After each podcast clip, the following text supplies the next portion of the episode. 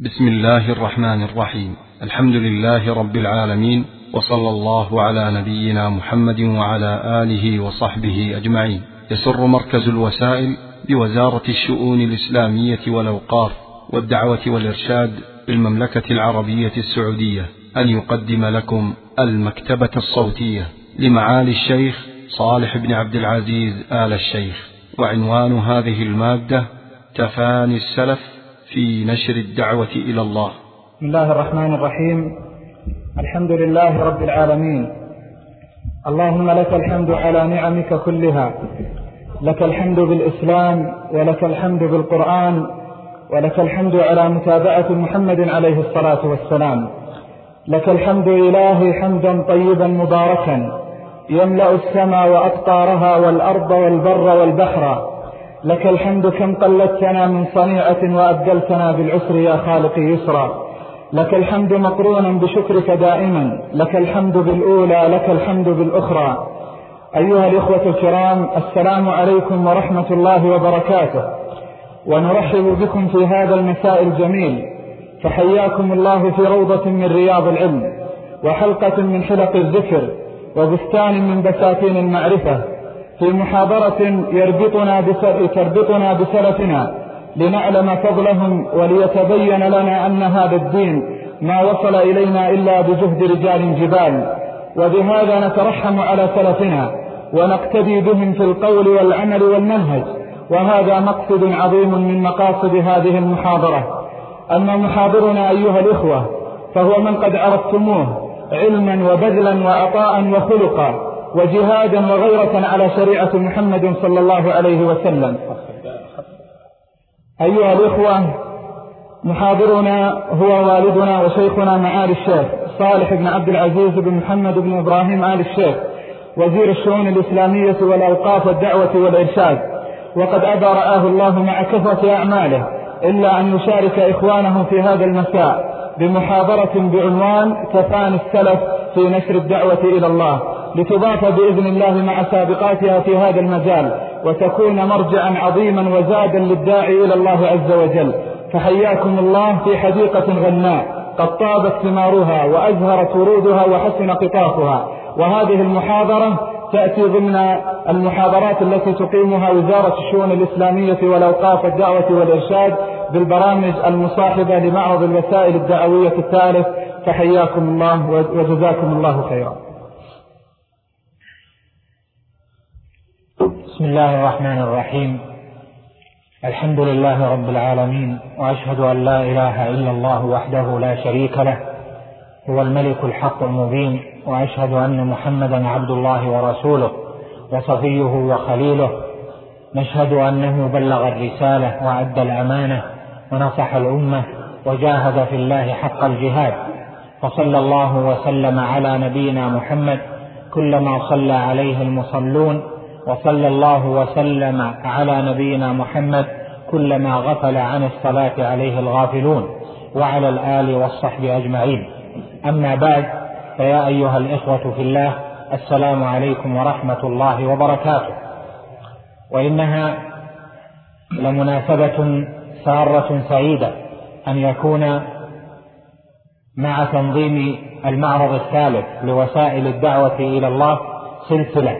من البرامج الدعوية والمحاضرات والدروس والدورات التدريبية النافعة وذلك ليتوافق التواصل ما بين القول والعمل وما بين التنظير وما بين التقدير فإن الأصل في نجاح أعمال الدعوة إلى الله أن يكون القول والعمل معا وأن يكون القائمون على الدعوة إلى الله ييسرون سبيل الدعوة ويفتحون أبوابها وأن يكونوا جميعا يدا واحدة في الخير متعاونين على البر والتقوى. ولا شك أن الدعوة إلى الله جل وعلا هي مهمة الرسل عليهم صلوات الله وسلامه وهي وظيفة الأنبياء والمرسلين كما عبر العلامة شمس الدين بن القيم. فإن الأنبياء والمرسلين بعثوا بشيء واحد ألا وهو الدعوة إلى الله جل وعلا. الدعوة إلى الله بتقواه. الدعوة إلى الله بتوحيده. الدعوة إلى الله باتباع رسوله الذي أرسل. الدعوة إلى الله بأن تطلب مراض الله جل وعلا وأن يبتعد عن مساقطه سبحانه وتعالى. ولهذا أجمعت الأنبياء والمرسلون جميعا من لدن آدم عليه السلام وهو أول الأنبياء ونوح عليه السلام وهو أول الرسل إلى خاتم الأنبياء والمرسلين. محمد بن عبد الله عليه الصلاة والسلام أجمعوا على بذل بذل على البذل في الدعوة إلى الله امتثالا لأمر الله وحظا على نشر ما يحب الله جل وعلا ويرضاه من الأقوال والأعمال التي هي سبيل الدعوة. ولهذا قال جل وعلا ومن أحسن قولا ممن دعا إلى الله وعمل صالحا وقال إنني من المسلمين وهذا فيه تفضيل للداعي إلى الله جل وعلا في قوله إذا أتبع القول بالعمل ومن أحسن قولا ممن دعا إلى الله فلا أحد أحسن قولا ممن يدعو إلى الله جل وعلا.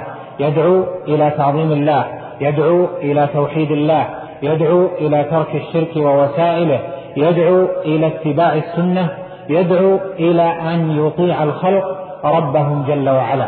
ولهذا قال الحسن البصري رحمه الله تعالى في هذه الآية لما تلاها قال هذا حبيب الله هذا ولي الله. أجاب الله في دعوته ودعا الناس إلى ما أجاب الله إليه من دعوته.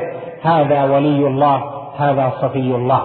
وهذا كما قال أيضا الإمام أحمد بن حنبل رحمه الله تعالى قال وددت أو وددت أن الخلق أطاعوا الله وأن جسمي قرض بالمقارير وهذا يعطيك شدة فقه أئمة الدين بالقرآن وبسنة النبي صلى الله عليه وسلم وبحرصهم الشديد على نشر الدعوة والبذل في أن يطيع الخلق ربهم جل وعلا.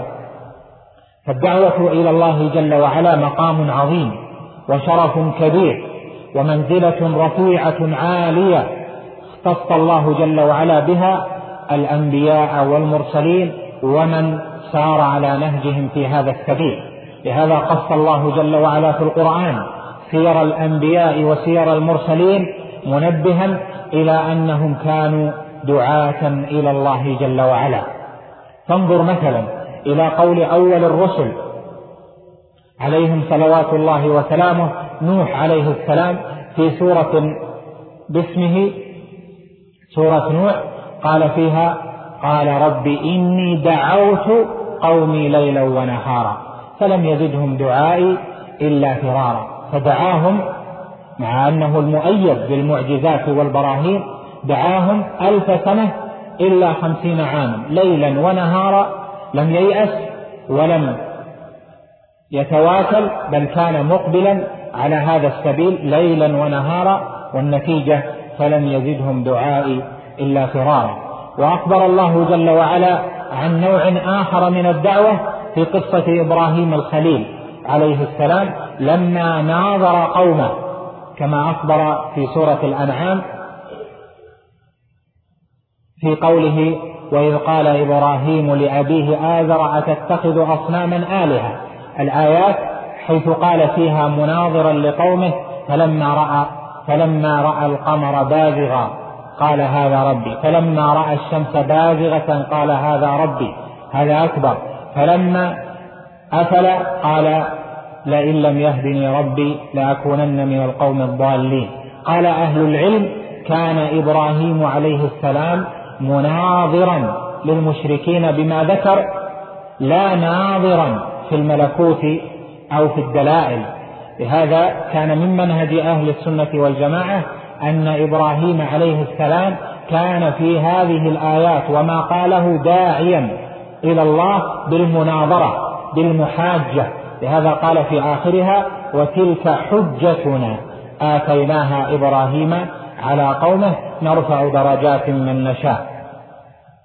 فإبراهيم عليه السلام دعا إلى الله جل وعلا بوجه من أوجه الدعوة وهو المناظرة والمجادلة وبذل في ذلك. ودعا من؟ دعا أباه كما في قصته في سورة مريم ودعا قومه كما في قصته في سورة الأنعام وفي سورة الأنبياء وفي الصافات وفي غيرها.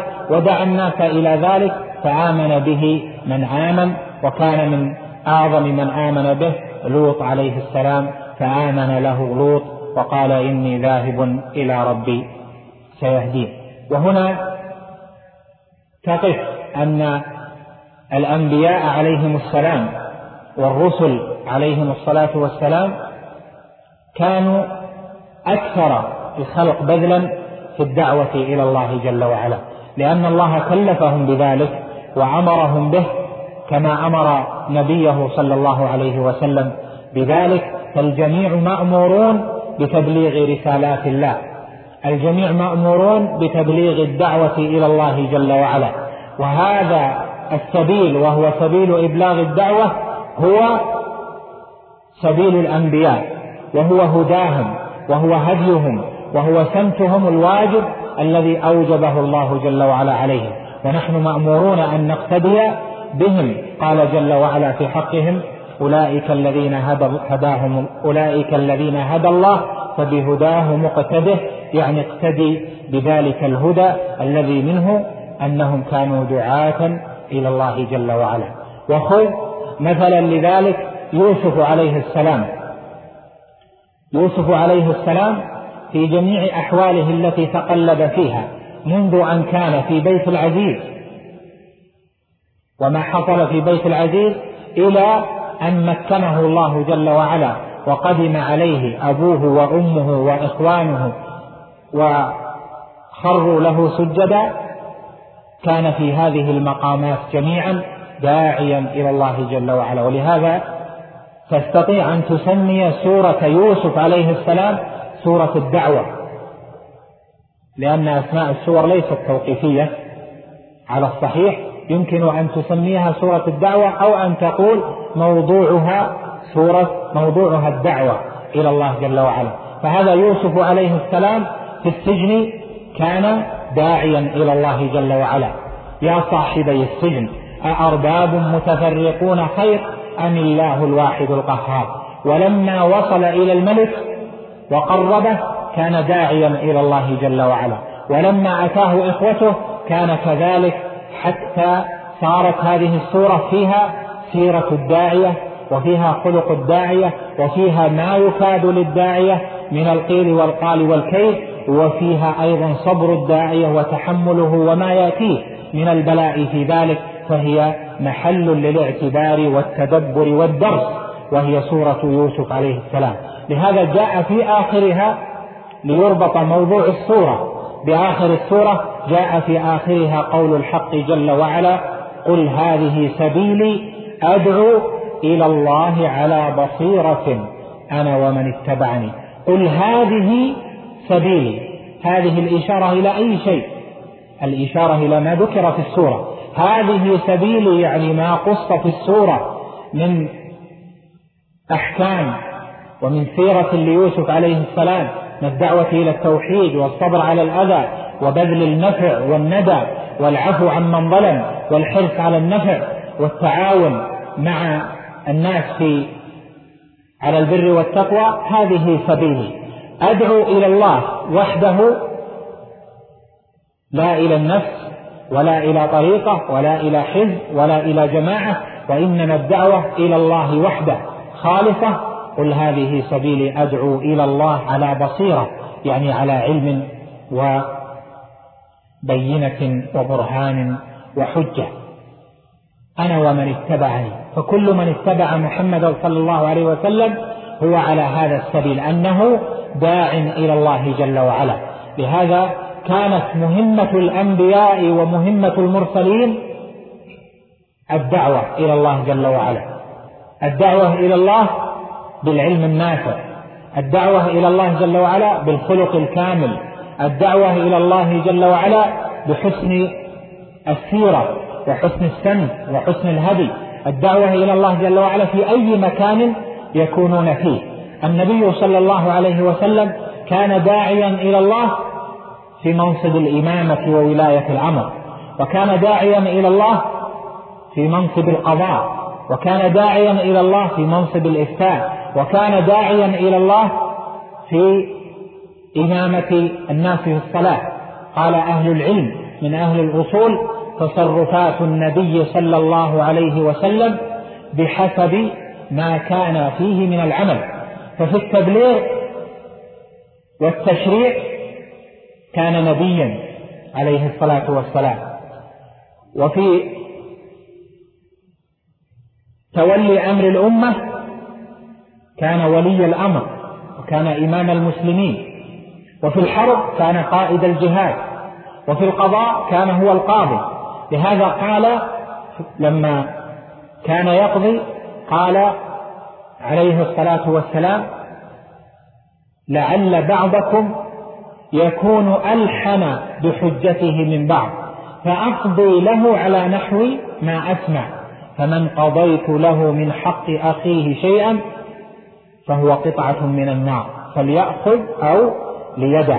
هنا موقع القضاء كان موقع دعوة وبيان وإرشاد وتنبيه للناس. بما قاله عليه الصلاة والسلام ويفعله لم يكن يعطى الوحي في بيان من الحق لمن؟ من المتخاصمين. ولكن كان يأخذ بالدلائل والإمارات ويأخذ بالبينات على ما هو معروف في هذا السبيل. كان أيضا إماما للناس فكان يسمع ما يسمع من الناس فيقول ما بال أقوام يقولون كذا وكذا. ما بال أقوام يشترطون شروطا ليست في كتاب الله وينبه الناس ويعظهم ويدعوهم ويذهب ويكون القدوة. إمام للناس إذا رأى الفقير المحتاج حث الناس على ذلك وهكذا. كان مرشدا كان يشفع للناس. أتته امرأة عليه الصلاة والسلام فأمرها أن تستقيم مع زوجها يعني أن تلزمه وأن لا تطلب فراقه. فقالت يا رسول الله أمر؟ قال لا إنما أنا شافع. فقالت إذا لا حاجة لي به. والمرأة هنا تعرف مقام النبوة هل هو في هذه الحال مقام أمر ووحي تجب الطاعة من الرسول صلى الله عليه وسلم أو هو مقام شفاعة مقام إرشاد في مقام المفتي أو مقام القاضي أو مقام إمام المسجد ونحو ذلك. سألته أمر يعني من الوحي أو تأمرني به فأطيع أم غير ذلك؟ فقال لا إنما أنا شافع. فقالت لا حاجة لي به. النبي صلى الله عليه وسلم في جميع أحواله كان داعيا إلى الله جل وعلا. والعلماء ورثة الأنبياء. كما قال عليه الصلاة والسلام العلماء ورثة الأنبياء. فإن الأنبياء لم يورثوا دينارا ولا درهما إنما ورثوا العلم. فمن أخذه أخذ بحظ وافر. فخاصة الدعاة هم أهل العلم لأن الدعوة هي وظيفة الأنبياء والمرسلين. من الذي ورث محمدا صلى الله عليه وسلم؟ أهل العلم.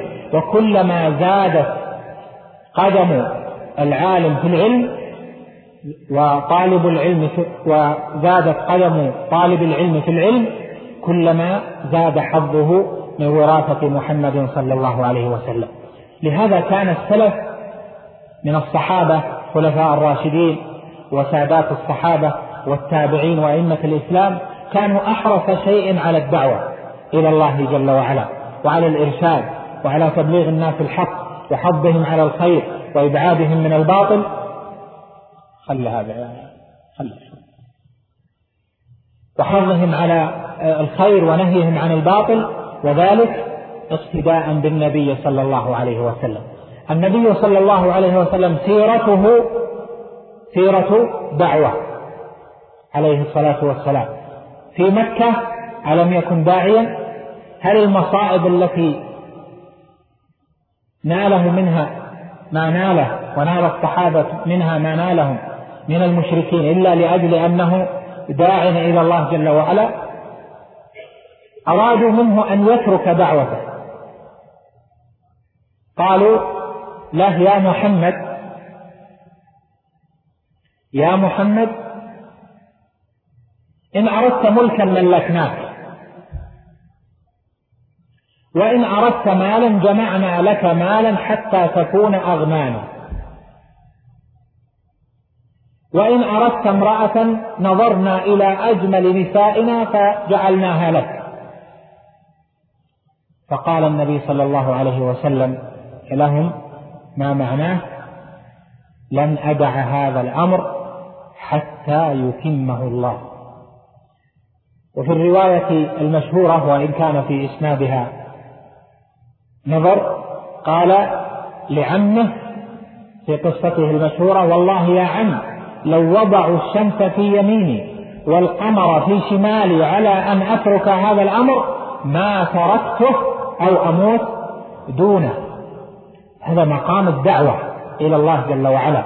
النبي صلى الله عليه وسلم إمام الأمة وقدوتها في جميع أحواله عليه الصلاة والسلام وخاصة في أعظم مقام وهو مقام الدعوة إلى الله. من الذي أمره بذلك؟ ربه جل وعلا. في قوله ادعوا إلى سبيل ربك بالحكمة والموعظة الحسنة وجادلهم بالتي هي أحسن. وقال له قل هذه قل يعني يا محمد هذه سبيلي أدعو إلى الله فلن أتركها. وقال له فلذلك فادعوا واستقم كما أمرت ولا تتبع أهواءهم وقل آمنت بما أنزل الله من كتاب. وأمرت لأعدل بينكم. وقال أيضا له وما أرسلنا من رسول إلا ليطاع بإذن الله. فربط الدعوة في انتفاعها بإذن الله جل وعلا. وهنا ينظر أهل العلم في هذه الفوائد من الآيات وسيرة النبي صلى الله عليه وسلم في أن الدعوة ليس المراد منها أن تصل فيها إلى هداية الخلق. إنما أن تمتثل أمر الله جل وعلا بالدعوة. إذا حصلت نتيجة فالحمد لله. وإن لم تحصل ليس عليك هداهم ولكن الله يهدي من يشاء. فالأنبياء وخاتمهم محمد صلى الله عليه وسلم بذلوا ما بذلوا في سبيل الدعوة وورثه منهم أهل العلم. وخاصة هذه الأمة من الدعاة إلى الله بذلوا في ذلك لكن لا يعني ذلك أن يتحقق المقصود أو لا يتحقق. يحرصون على أن ينفعوا الناس وأن يتحقق سبيل الدعوة لكن إذا لم يتحقق فالأمر لله جل وعلا من قبل ومن بعد. وهذان مثالان عجيبان. الأول لنوح عليه السلام كم مكث في قومه؟ ألف سنة إلا خمسين عاما. داعيا إلى الله. لكن ما الحصيلة؟ هل كانت الحصيلة كبيرة؟ قال جل وعلا وما آمن معه إلا قليل. قال المفسرون آمن معه اثنا عشر رجلا وامرأة. وأكثر الروايات على أنه آمن معه بضعة وسبعون بين رجل وامرأة. حصيلة ألف سنة هذا العدد لكنهم امتثلوا أمر الله جل وعلا وعبدوا الله جل وعلا ببذل الدعوة. المثال الثاني محمد بن عبد الله عليه الصلاة والسلام. مكث في مكة ثلاثة عشر عاما. كم نتيجة الدعوة في هذه السنين؟ قليل. نحو خمسمائة من أهل مكة وأهل المدينة. فقط. لكن في العشر سنين في العهد المدني كم حصل؟ حج معه مئة ألف عليه الصلاة والسلام أو يزيدون. فيبين لك ربك جل وعلا أن العبرة في الدعوة بالبذل والعطاء لكن متى تنفتح القلوب للدعوة؟ ومتى يدخل الناس في دين الله أفواجا؟ ومتى يهتدون؟ هذا الأمر لمن؟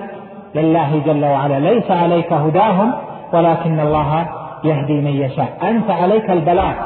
إن عليك إلا البلاغ. الذي على الرسل البلاغ. على العلماء أن يبينوا ما كان عليه محمد صلى الله عليه وسلم وأن يجتهدوا في بيان الكتاب والسنة وما أمر الله به وما نهى عنه ليتبع الناس وليحذروا. لكن هل يستجيب الناس أو لا يستجيبون؟ هل لا يكون ذلك؟ من مهامهم إنما عليهم أن يبذلوا في ذلك.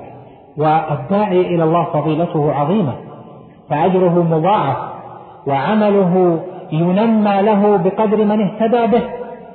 قال عليه الصلاة والسلام كما في صحيح مسلم من دعا إلى هدى كان له من الأجر مثل أجور من اتبعه لا ينقص ذلك من أجورهم شيء من دعا إلى هدى أي نوع من الهدى؟ تدعو إليه فلك مثل أجر من اتبعك لا ينقص ذلك من الأجر شيئا. علمت توحيد علمت الصلاة علمت الخلق الحميد علمت آداب الإسلام علمت الغيرة على الإسلام علمت الدعوة حفظت الناس حفظت القرآن أي سبيل من ذلك لك من الأجر مثل أجور من اتبعك. ولله الحمد والمنة. السلف الصالح رضوان الله عليهم نشروا الإسلام. من الذي نشر الإسلام في شرق الأرض وفي غربها؟ الصحابة والتابعون وتابعوهم وأئمة الإسلام في الفتوحات. الصحابة رضوان الله عليهم كانوا كما وصفهم ابن مسعود. كانوا أبر الأمة قلوبا وأعمقها علوما وأقلها تكلفا. حين نشروا هداية الإسلام بماذا نشروها؟ بالدعوة إلى الله جل وعلا. بذلوا ليلهم ونهارهم وتركوا أولادهم وتركوا ديارهم لينشروا الدعوة. أحب ما عليهم مكة والمدينة من بلاد الله لكن تركوها وسكنوا غيرها لنشر الدعوة إلى الله جل وعلا. كيف انتشرت الدعوة في الشام؟ بهم. كيف انتشرت الدعوة في مصر؟ بهم. كيف انتشرت الدعوة في العراق؟ بهم. كيف انتشرت الدعوة في خراسان وبلاد السند وما وراء السند إلى الصين؟ إنما انتشرت بهم. فتحوا البلاد بالعلم والدعوة. السيف أو الجهاد هذا يفتح الطريق لكن لا يقنع الناس لا يهدي الناس لا يعلم الناس. فحينئذ صار الصحابة معلمين. ذكر أهل العلم في ترجمة ابن عباس رضي الله عنهما أن ابن عباس كان يغشى الناس في منازلهم يعلمهم السنة. لما كان أميرا لعلي بن أبي طالب على البصرة يغشى الناس. في منازلهم يعلمهم وخاصة في شهر الإقبال على الخير رمضان. فإذا كان رمضان دخل المنازل يعلم الناس الخير. ولما رجع إلى مكة كان المرجع للناس في تفسير القرآن. حتى إنه أقرأ القرآن مئات المرات. وعرض عليه أحد طلابه وهو مجاهد بن جبر عرض عليه القرآن ثلاث عرضات ثلاث مرات يسأله عن كل آية ما معناه. وكان خادمه يقف عند الباب والناس مكتظون خلف الباب فيقول من أراد أن يسأل عن التفسير فليدخل. فيدخل أمة من الناس فيسألون ابن عباس فيعلمهم فيذهبون. ثم يقول من أراد أن يسأل عن السنة فليدخل. ثم يقول من أراد أن يسأل عن الفقه فليدخل. من أراد أن يسأل عن التاريخ فليدخل. من أراد أن يسأل عن الشعر فليدخل. من أراد أن يسأل وهكذا.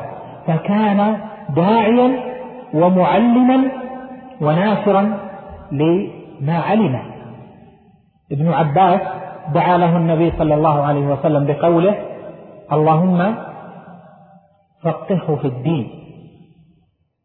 كما في الصحيح. وفي رواية لمسند في للإمام أحمد في مسنده اللهم فقهه في الدين وعلمه التأويل. وحبر الأمة وترجمانها هو. اقرأ سيرته فترى كيف أنه كان يبذل وقته ونفسه ونفيسه في بذل العلم ونشر الهداية. الخلفاء الراشدون كانوا دعاتنا إلى الله جل وعلا. علي رضي الله عنه قال له نبينا صلى الله عليه وسلم يا علي في قصة فتح خيبر المعروفة يا علي انفذ على رسلك ثم ادعهم إلى دين الله فوالله لأن يهدي الله بك رجلا واحدا خير لك من حمر النعم يعني الإبل الحمراء. ولا تقل حمر النعم لأن الحمر جمع حمار وهي حمر بجمع حمراء يعني الإبل الحمراء النفيسة. أنفس ما عند العرب هذا. لأن يهدي الله بك رجلا واحدا خير لك من حمر النعم قال علي رضي الله عنه لأبي الهياج الأسدي ألا أبعثك على ما بعثني عليه رسول الله صلى الله عليه وسلم؟ قال بلى. قال ألا تدع صورة منحوتة يعني على جدار إلا طمستها. ولا قبرا مشرفا يعني عاليا إلا سويته. الدعوة إلى الله في فهم السلف ليست فقط دعوة إلى الأخلاق أو دعوة إلى الأمور العامة لا أهم شيء في الدعوة إلى الله أن يدعى إلى أعظم حق لله جل وعلا وهو توحيد الله جل وعلا والحفاظ على جناب التوحيد وحمايته.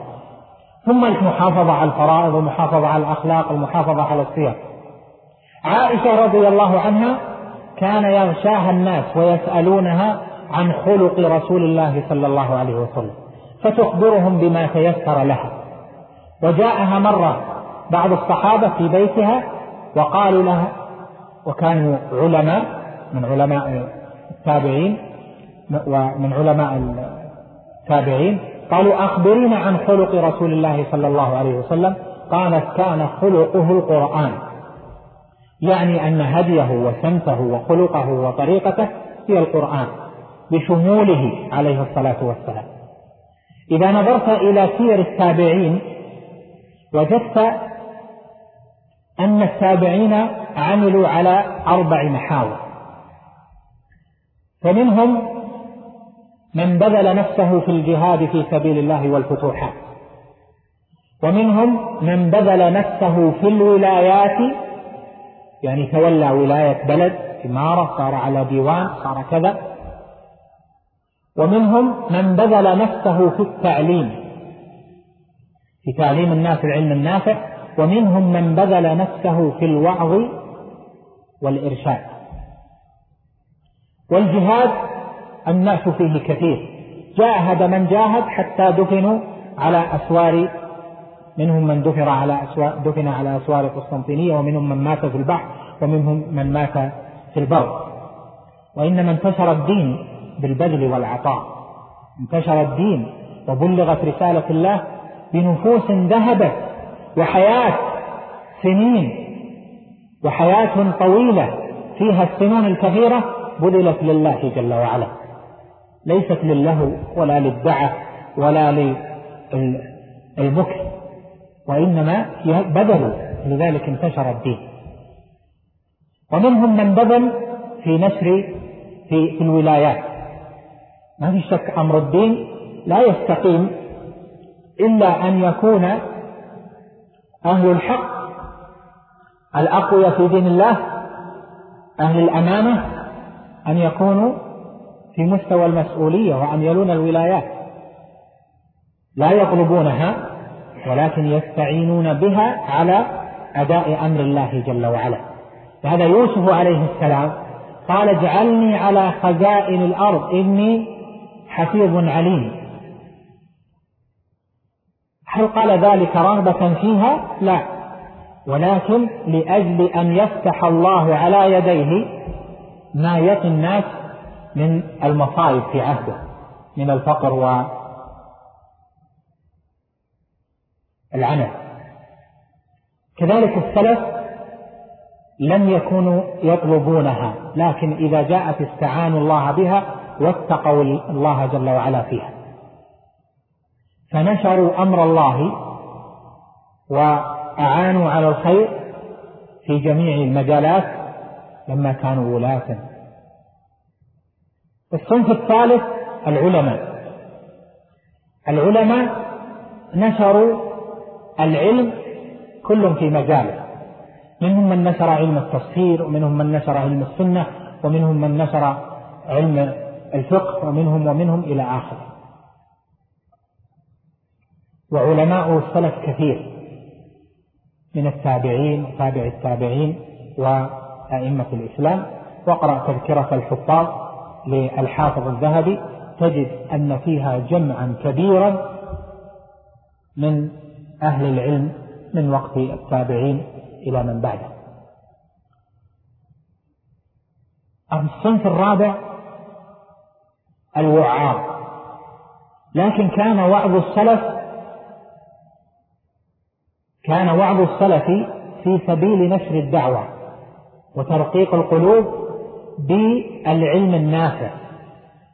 ولذلك ذم أئمة الإسلام القصاص القصاص الذين يقصون بجهل ويضربون الأمثلة بجهل ويحكون على غير هدى وإنما بما اقتضته عقولهم بما يؤثر على الناس. هذا مذموم. ونهى عنه السلف أن يتبع سبيل القصاص.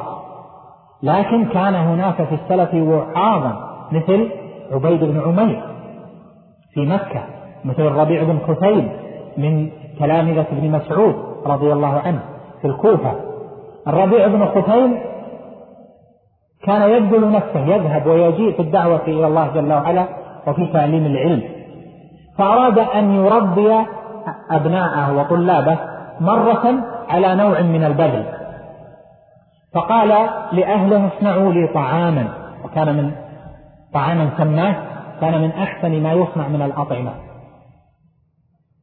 فصنعوا له الطعام وزينوه ظنوا أن عنده ضيفا فلما أتوا به إلى طلابه كان بعض منهم عنده في المنزل. قال احملوه. ظنوا أنهم سيأكلون معه. قال احملوه. فحملوا به فطرق باب بيت في في الكوفة. فلما طرق قال أريد فلانا. فأدخلوا عرفوا أنه الربيع. الربيع بن خثيم كان بعض طلابه كان إذا أتى لزيارة بعض أهل العلم أو بعض طلابه كان الخادم أو الأولاد إذا فتحوا الباب وردوا الخبر يقولون جاء الربيع الأعمى. يظنونه أعمى البصر لأنه لم يكن يحلق في بيت أحد يزوره. لما دخل على هذا الرجل وأتى بالطعام دخلوا معه. فإذا الرجل الذي أتوا إليه بالطعام لا يأكل لا يتكلم ولا يسمع ولا يبصر. أعمى أصم أبكم. وأخذ الربيع يضع يده في الطعام يضع يد هذا الأصم الأبكم الأعمى في الطعام ويؤكله حتى سر ذاك. من أطيب الطعام ويذهب به إليه. فلما انصرفوا قال أحد طلابه يا ربيع لو أخذنا في الدرس أو, أو كلمة نحوها وأرسلت إليه بالطعام فإنه أصم وإنه أعمى وإنه أبكم لا يسمع ولا يبصر ولا يرى. فقال له الربيع أراد به هذا الدرس. درس عظيم في الدعوة والوعظ والإرشاد. قال له ولكن الله يسمع ويرى. لأن لا تكون الأعمال التي تعملها تريد منها أن المقابل يعرف ما بذلت له. إنما تكون هنا التعامل مع من؟ مع الله جل وعلا. هذا وعظ رفيع الدرجة. هذا عمل ليس أقوالا هذه أعمال رفيعة الدرجة.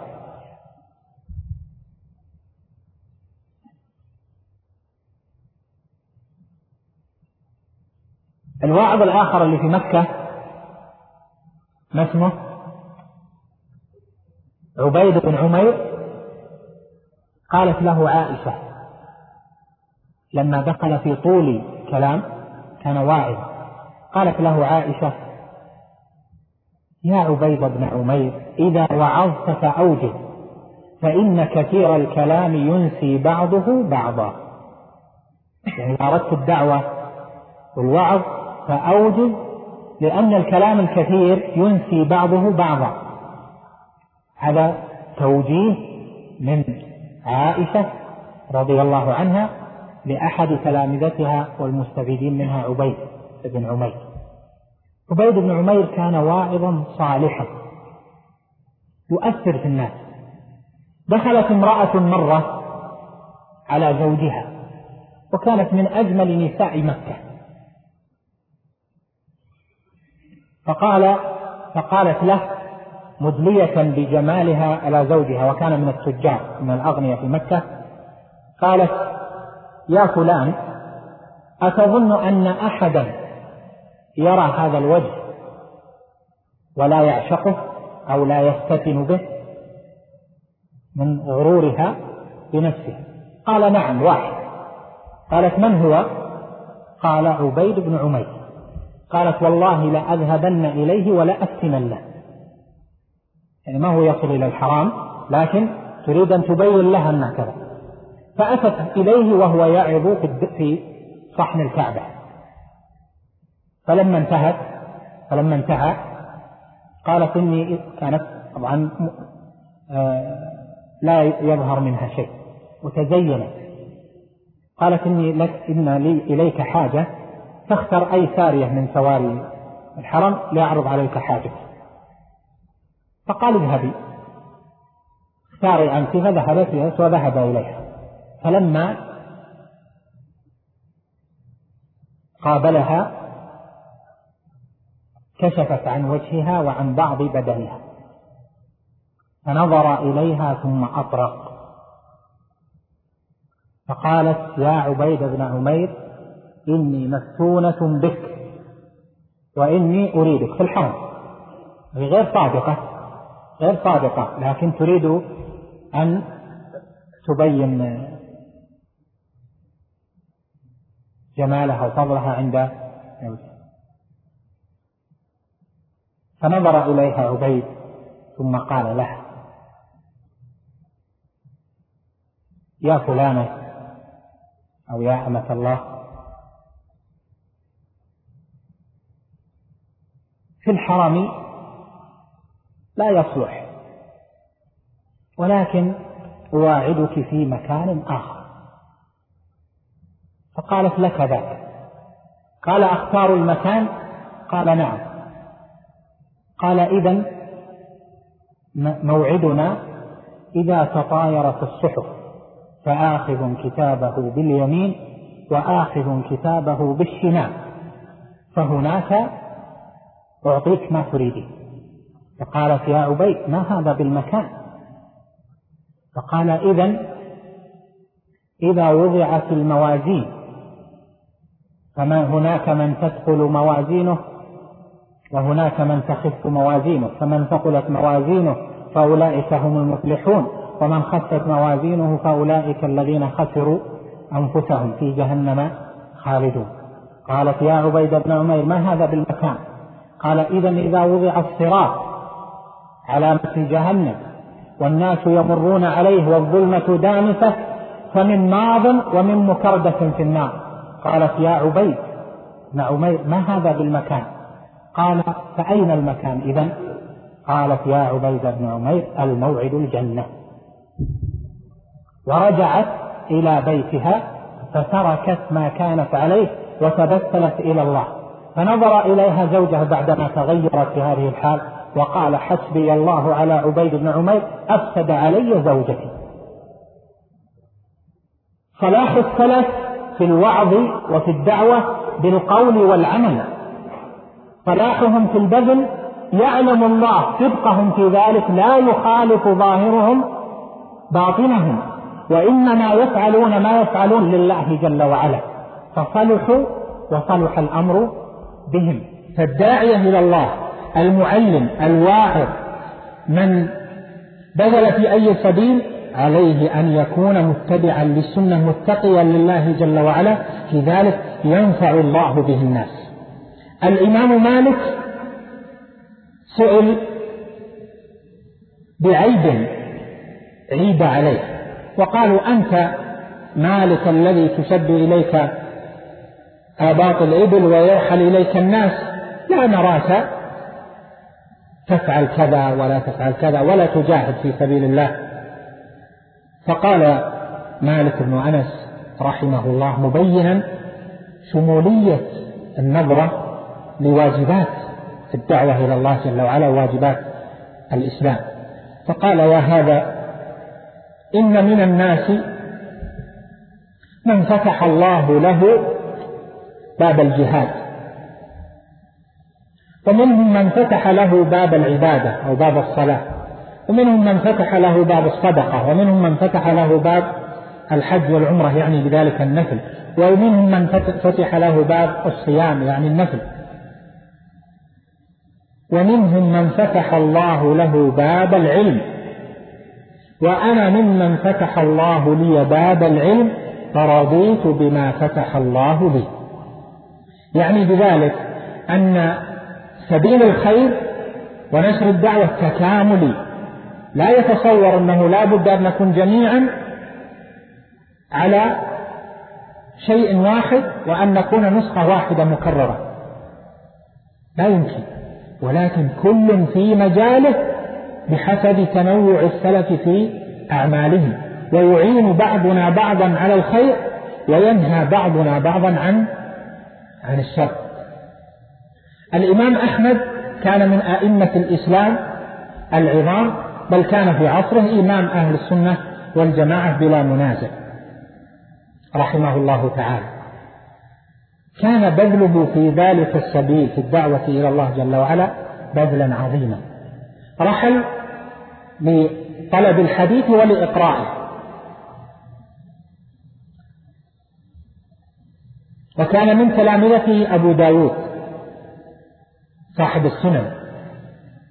البصرة بعد فتنة الزنج المعروفة في التاريخ قل فيها الناس رحلوا عنه صار فيها قتل وهرج ومرج فانتدب الخليفة أبا داود صاحب السنن وقال له يا أبا داود كان في بغداد أريد أن أريد منك ثلاث. أريد أن تسكن البصرة ليرحل إليك طلاب العلم وطلبة الحديث فيملأ الناس البصرة لأن الزنج قد أخرج الناس منه. فقال أبو داود هذه لك. الثانية قال أريد أن تجيز أبنائي بكتابك السنن. قال هذه لك. قال الثالثة أريد أن تخص أبنائي بدرس في الحديث في بيتنا. فقال هذه لا الناس في العلم سواء. فرحل إلى البصرة وسكن فيها ونشر علما كثيرا ورجع الناس إليها. رحل الناس. الإمام أحمد إذا درست حياته وجدت أنه في سبيل الدعوة عمل بجميع المقامات. من قبيل نشر العلم إقراء الحديث نشر السنة القولية والعملية الرحلة ونشر الدعوة والخير في أي مكان الدفاع عن العقيدة والتوحيد بالقول والعمل وبالتصنيف وبالوقوف في الشدائد وبالرد على المخالفين في سبيل الرد على المخالفين للحق من أهل الأهواء على جميع اختلاف أصنافهم وأيضا من أراد في الدعوة سبيلا غير مشروع؟ رد عليه وأنكر عليه. من ذلك ما كان يسمى في عصره بالتغبير.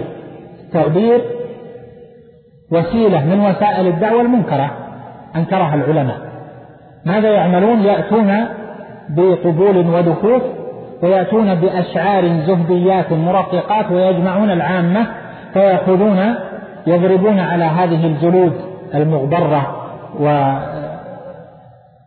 وينشدون الأشعار ليرققوا الناس. لكن هذه سبيل سنة أو سبيل بدعة. غير سبيل سنة. هذه من أساليب المخالفة للسنة ومن أساليب البدع. فنهى الإمام أحمد عنها وقال أحدثوا شيئا يقال له التغبير ليس من دين الله. ما قال طيب إذا كان الناس بيرقون بينفعهم والناس عندهم مشاكل وبغداد صار فيها فساد كثير ولا آخره أي سبيل ينفع؟ ليس هذا سبيل السلف وأئمة الإسلام في أمر الدعوة. قال رحمه الله تعالى أحدثوا شيئا يقال له التغبير ليس من دين الله. ينهاهم عن أن تسلك سبيل ووسيلة من وسائل الدعوة ليست مشروعة.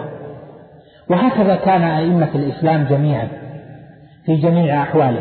الشافعي رحمه الله تعالى من أهل أي بلد؟ الشافعي من أهل مكة مطلبي من أهل مكة.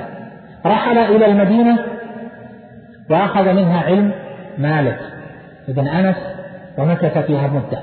ثم رحل إلى العراق فأفتى فيها وعلم ودرس واستفاد. ثم استقر به الأمر في مصر فنشر هناك علما كثيرا. التنقل هذا تنقل لماذا؟ هل هو تنقل لسنين هنا وسنين هنا؟ أليس صعبا؟ على النفس. يجلس في بلده. سيكون مكرما معززا بين عشيرته وأهله وأقربائه. وعالم قريش يملأ الأرض علما.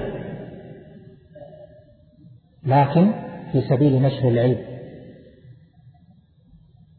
شيخ الإسلام ابن تيمية إذا طوينا الزمن شيخ الإسلام ابن تيمية مضى في زمان مضى زمان زمانه كله وهو ما بين علم وتعليم وجهاد وأمر بالمعروف والنهي عن المنكر ونشر للخير والدعوة في بلد هذه وفي مصر وفي الشام وفي فلسطين والآخرة في الجبل وفي وهكذا تنقل. فالهمة همة أهل العلم عالية لأن وراثة الدعوة هي وراثة للنبي محمد صلى الله عليه وسلم. لكن أن تكون الدعوة على المنهاج السليم لا تكون على أي منهاج يحدثه الناس تكون على المنهاج السلفي الصحيح في سعته وشموله. لأن أيضا المفاهيم قد تضيق فيخسر السبيل لكن إذا كان العلم واسعا فيكون هنا السبيل أيضا واسعا ما دام مشروعا وانظر وتأمل في حال أئمة الإسلام وعصر السلف الصالح الصحابة والتابعين والتابعين وحال أئمة الإسلام. واقرأ في السير. ستجد من ذلك شيئا كثيرا.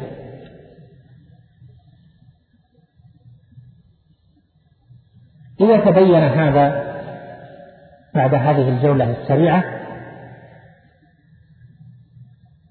فنختم بشيء مهم وهو أن الدعوة إلى الله جل وعلا تحتاج منا إلى بذل ولو قليل. لا يقول أحد كيف أدعو؟ قال العلماء الدعوة بحسب العلم. العلماء هم الدعاة. لكن من علم شيئا دعا بحسب ما علم. علم شيئا بدليله من كلام أهل العلم يدعو إلى ما علم بحسب ما علم. ولهذا جاء معرض وسائل الدعوة لكي يتيح للناس على اختلاف طبقاتهم من الكبار والصغار والرجال والنساء التعرف على وسائل كثيرة للدعوة يمكن أن تحملها معك. يمكن أن تحمل معك كتاب يسير يناسب طبقات مختلفة. يمكن أن تحمل معك شريطا. يمكن أن تحمل معك آه شريط كمبيوتر وقرص كمبيوتر. يمكن أن تحمل معك أسماء مواقع في الإنترنت. يمكن أن تحمل معك أشياء كثيرة من وسائل الدعوة. لا تعرفها وأنت في بيتك.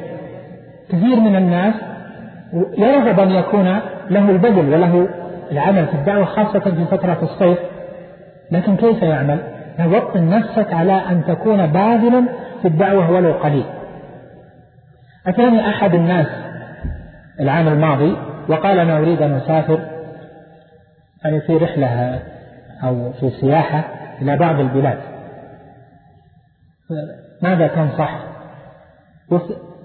النصيحة أولا تقوى الله جل وعلا في كل حال ثم احرص على أن تبلغ الدعوة وأن تنشر الدعوة ولو ربع ساعة في اليوم. ربع ساعة في اليوم كيف؟ هيئ زادت. الداعية لابد له من سلاح ولابد له من زاد. استعد. خذ معك الكتب المناسبة الأشرطة المناسبة زر مركزا إسلاميا في اليوم مرة في, في الأسبوع مرة. انظر تعاون مع الناس اعمل ابذل إلى آخره. داري هذه السنة من ثلاثة أسابيع وقال ربع ساعة تلك فكرت فيها ولكن جعلتني أستعد أكثر وأكثر حتى أحببت أن أكون من الدعاة إلى الله جل وعلا. وهذا واقع. الدعوة محبوبة وتشرح النفس تبعث في النفس العزة والكرامة وتبعث في النفس القوة تبعث في النفس حب الله وحب رسوله صلى الله عليه وسلم والثبات. لأنك إذا أعطيت للخير وفي الدعوة والأمر بالمعروف والنهي عن المنكر انقلب ذلك بإذن الله جل وعلا إليك ثباتا وعزة وتمسكا بالحق. لكن إذا أخليت نفسك ضعفت الإنسان يضعف والمرء يجب أن يحرص على الخير.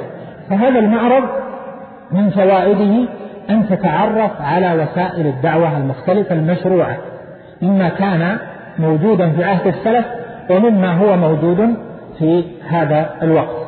ووسائل الدعوة منها ما هو مشروع ومنها ما ليس بالمشروع. ولا يلزم أن تكون الوسيلة موجودة في زمن النبوة أو في زمن السلف الصالح لأن الوسائل أحكامها ترجع إلى المصالح المرسلة. كما قال أهل العلم والبدع تدخل في المقاصد والمصالح المرسلة تدخل في الوسائل. لكن هنا منها وسائل مشروعة ومنها وسائل غير مشروعة. كما قال الإمام أحمد مثلا في التقدير وفي غيره فإذا كانت الوسيلة مشروعة فلنحرص عليها وليعد المرء عدته لكي ينشر الدعوة في بيته وفي مجتمعه وفي في سفره وفي حضره فإن ذلك خير لنا جميعا في ديننا وفي دنيانا وأعظم لأجور الجميع. أسأل الله جل وعلا أن يوفقنا وإياكم لما فيه الخير والسداد وأن يقينا العثار في القول والعمل وأن يغفر لنا ذنوبنا وإسرافنا في أمرنا وأن يوفق ولاة أمورنا إلى ما فيه الخير وأن يغفر لنا ولهم ولوالدينا ولجميع من له حق علينا إنه سبحانه جواد كريم وصلى الله وسلم وبارك على نبينا محمد. أثابكم الله فضيلة الشيخ وجعل ما قلتم في ميزان حسناتكم إنه جواد كريم. هذه مجموعة من الأسئلة. يقول السائل فضيلة الشيخ أحب الدعوة إلى الله.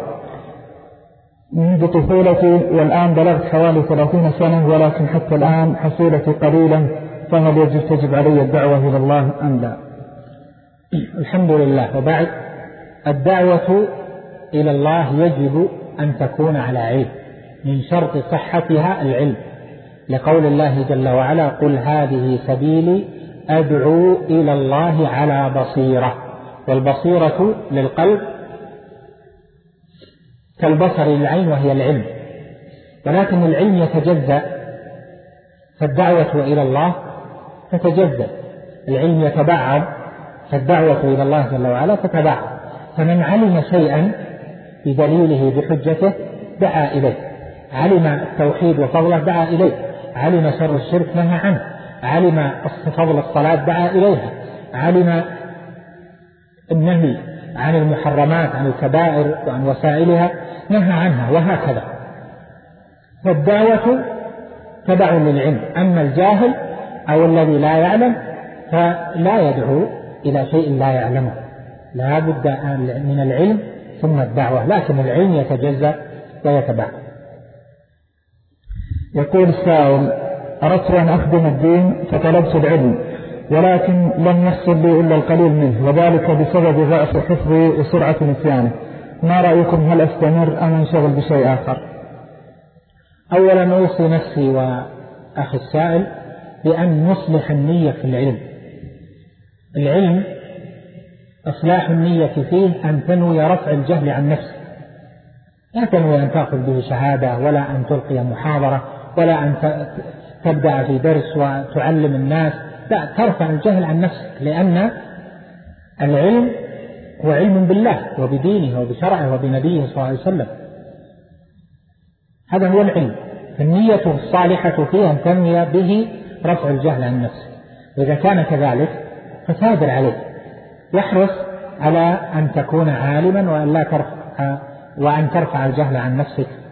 الثانية لمن مرتبة الثانية لمن آنس من نفسه رشدا وقوة حافظة وفهم وبذل فإن عليه أن يصلح النية بأن ينوي رفع الجهل عن نفسه وأن ينوي رفع الجهل عن غيره بتعليمه للعلم إذا تمكن فيه. لهذا سئل الإمام أحمد رحمه الله تعالى قيل له ما النية في العلم؟ قال أن تنوي رفع الجهل عن نفسك وأن تنوي رفع الجهل عن غيرك. العلم اللي يطلب العلم ليتصدر أو ليلفت وجوه الناس إليه فهذا والعياذ بالله. وبال على وبال لكن من طلب العلم بنية صالحة أثر فيه. لهذا قال ابن المبارك وغيره قال طلبنا العلم وليس لنا فيه نية. ثم جاءت النية بعد. النية من الإخلاص ورفع النية رفع الجهل ومعرفة المطلوب.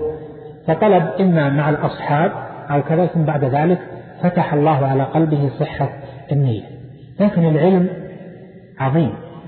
وأنا أذكر ذكرت عدة مرات قصة في ذلك ذكرها الخطيب البغدادي في الجامع لبيان آداب لبيان أخلاق الراوي وآداب السامع لأن بعض أهل الحديث طلب العلم فوجد أنه لم ينتفع لم يحفظ. قال فتركه. ثم قال بين أنا أتنزه إذ وجدت ماء يتقاطر على صخر وقد أثر في الحجر الصخرة بحفرها تقاطر ماء قليل قطرة قطرة لكن حفر قال فقلت في نفسي والله ما العلم بأخف من الماء؟ العلم أثقل إنا سنلقي عليك قولا ثقيلا. ما العلم بأخف من الماء؟ وليس قلبي بأقسى من الحجر فلا بد إذا أن تكرار العلم سيؤثر على القلب وينتفع به. قال فرجع فرجعت فأخذت الحديث ففتح عليه. يقول السائل فضيلة الأذان ما وصل؟ باقي شوي. طيب. يقول معالي الشيخ هل وسائل الدعوة توقيفية أم لا؟ نبهت في آخر المحاضرة على أن الوسائل من قبيل المصالح المرسلة. ويطرق عليها الجواز وعدم. هل تجوز أو لا تجوز؟ أما القول بأنها توقيفية أو غير توقيفية فلا يصح البحث لأن الكلمة توقيف ترجع إلى المقاصد. إذا قيل هل هذا توقيف أم لا ترجع إلى المقاصد. إذا قلنا الدعوة هل هي توقيفية أم اجتهادية نقول لا الدعوة توقيفية. لكن الوسيلة وسيلة الشيء هذه ترجع إلى المصالح المرسلة.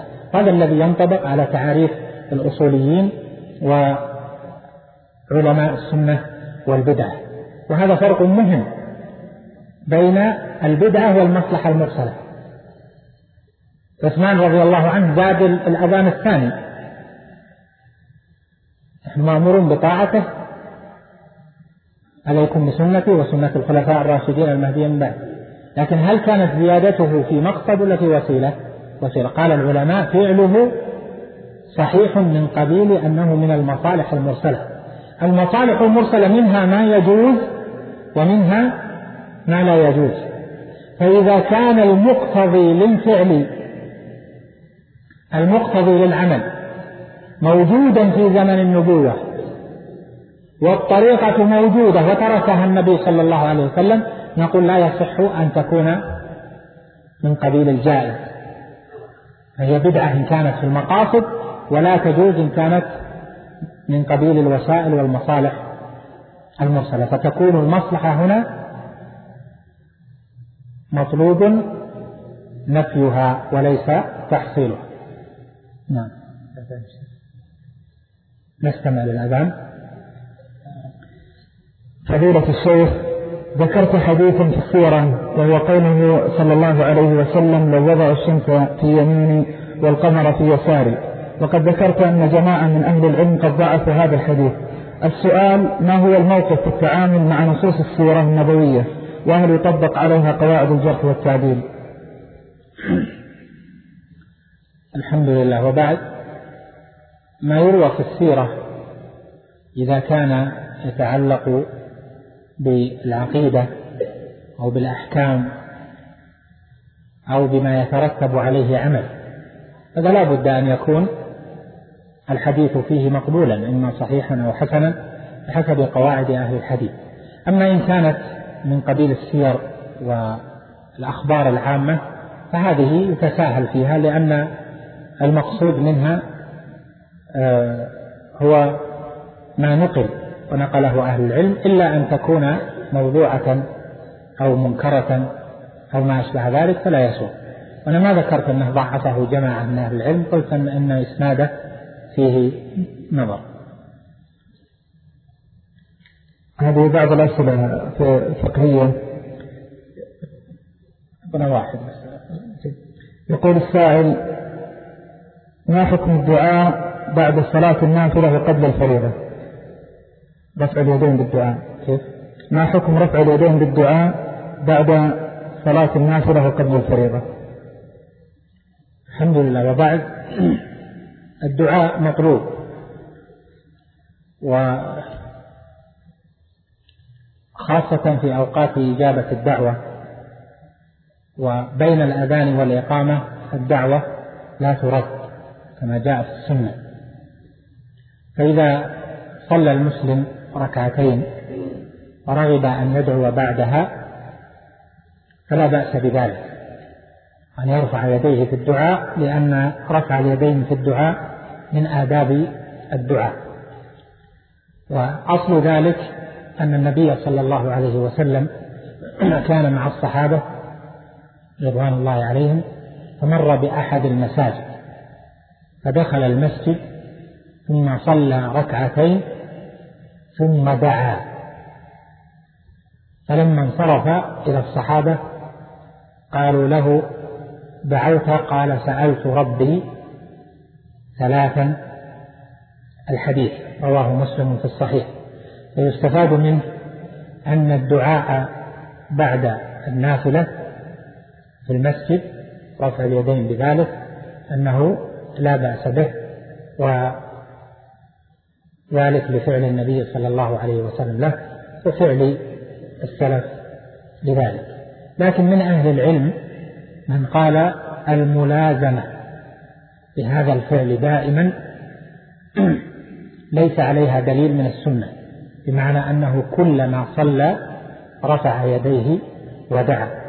جاء في السنة أنه فعل لكن ما داوم على مثل هذا الفعل فالأكمل في حقه أن يفعل حينا وأن يترك حينا وإلا فالدعاء بين الأذان والإقامة يرجى ألا يرد. نكتفي بهذا. قد أخبرني الإخوة القائمون على المعرض أن هناك أخا لنا يريد أن يعلن إسلامه في هذا المسجد بعد أن استمع إلى بعض المواعظ وشرح عن الإسلام إما في المعرض أو قبله. معرض ولا خبر؟ والله الشيخ خبر مع مدير شركة العيد. ولف زميل أيضا نصراني فاثناء الشرح كانت كلمه نشكر الله. الآن اللحظات هذه الحمد لله. فحبينا إن هذا الإسلام إن شاء الله. Say shahada in Arabic لا you just to be faster with your intention that you become Muslim نجد الشيخ الآن بنصف الشهادة بنية الدخول في الإسلام أشهد أن لا إله إلا الله أنت أنت يقبل أشهد أن لا قانون هذا بالإطلاق لا أقنع أنا أقرب لك أقرب لك My brother, you repeat after me with your intention that you become Muslim. Want to say, I believe and bear witness that there is no true God but Allah alone, and I believe, I bear witness that Muhammad sallallahu alayhi wa sallam, is the last prophet and messenger, and I believe, I bear witness that Jesus Christ is a prophet before Muhammad and he is son of Virgin Mary, and we believe paradise true and the hellfire is true, and the day of judgment come, and all the people that did already since Adam and going to die until the day after, I will not take them again from the grave for judgment. I will speak Arabic and probably this will be Alhamdulillah. Make it anyone. Say, أشهد أشهد أن أن لا إله لا إله إلا الله وأشهد أن أن محمدا رسول الله وأشهد أن عيسى عبد الله ورسوله. وكلمته ألقاها إلى مريم وروح منه. وأشهد أن الجنة حق. والنار حق وأن الساعة آتية لا ريب وأن الله يبعث من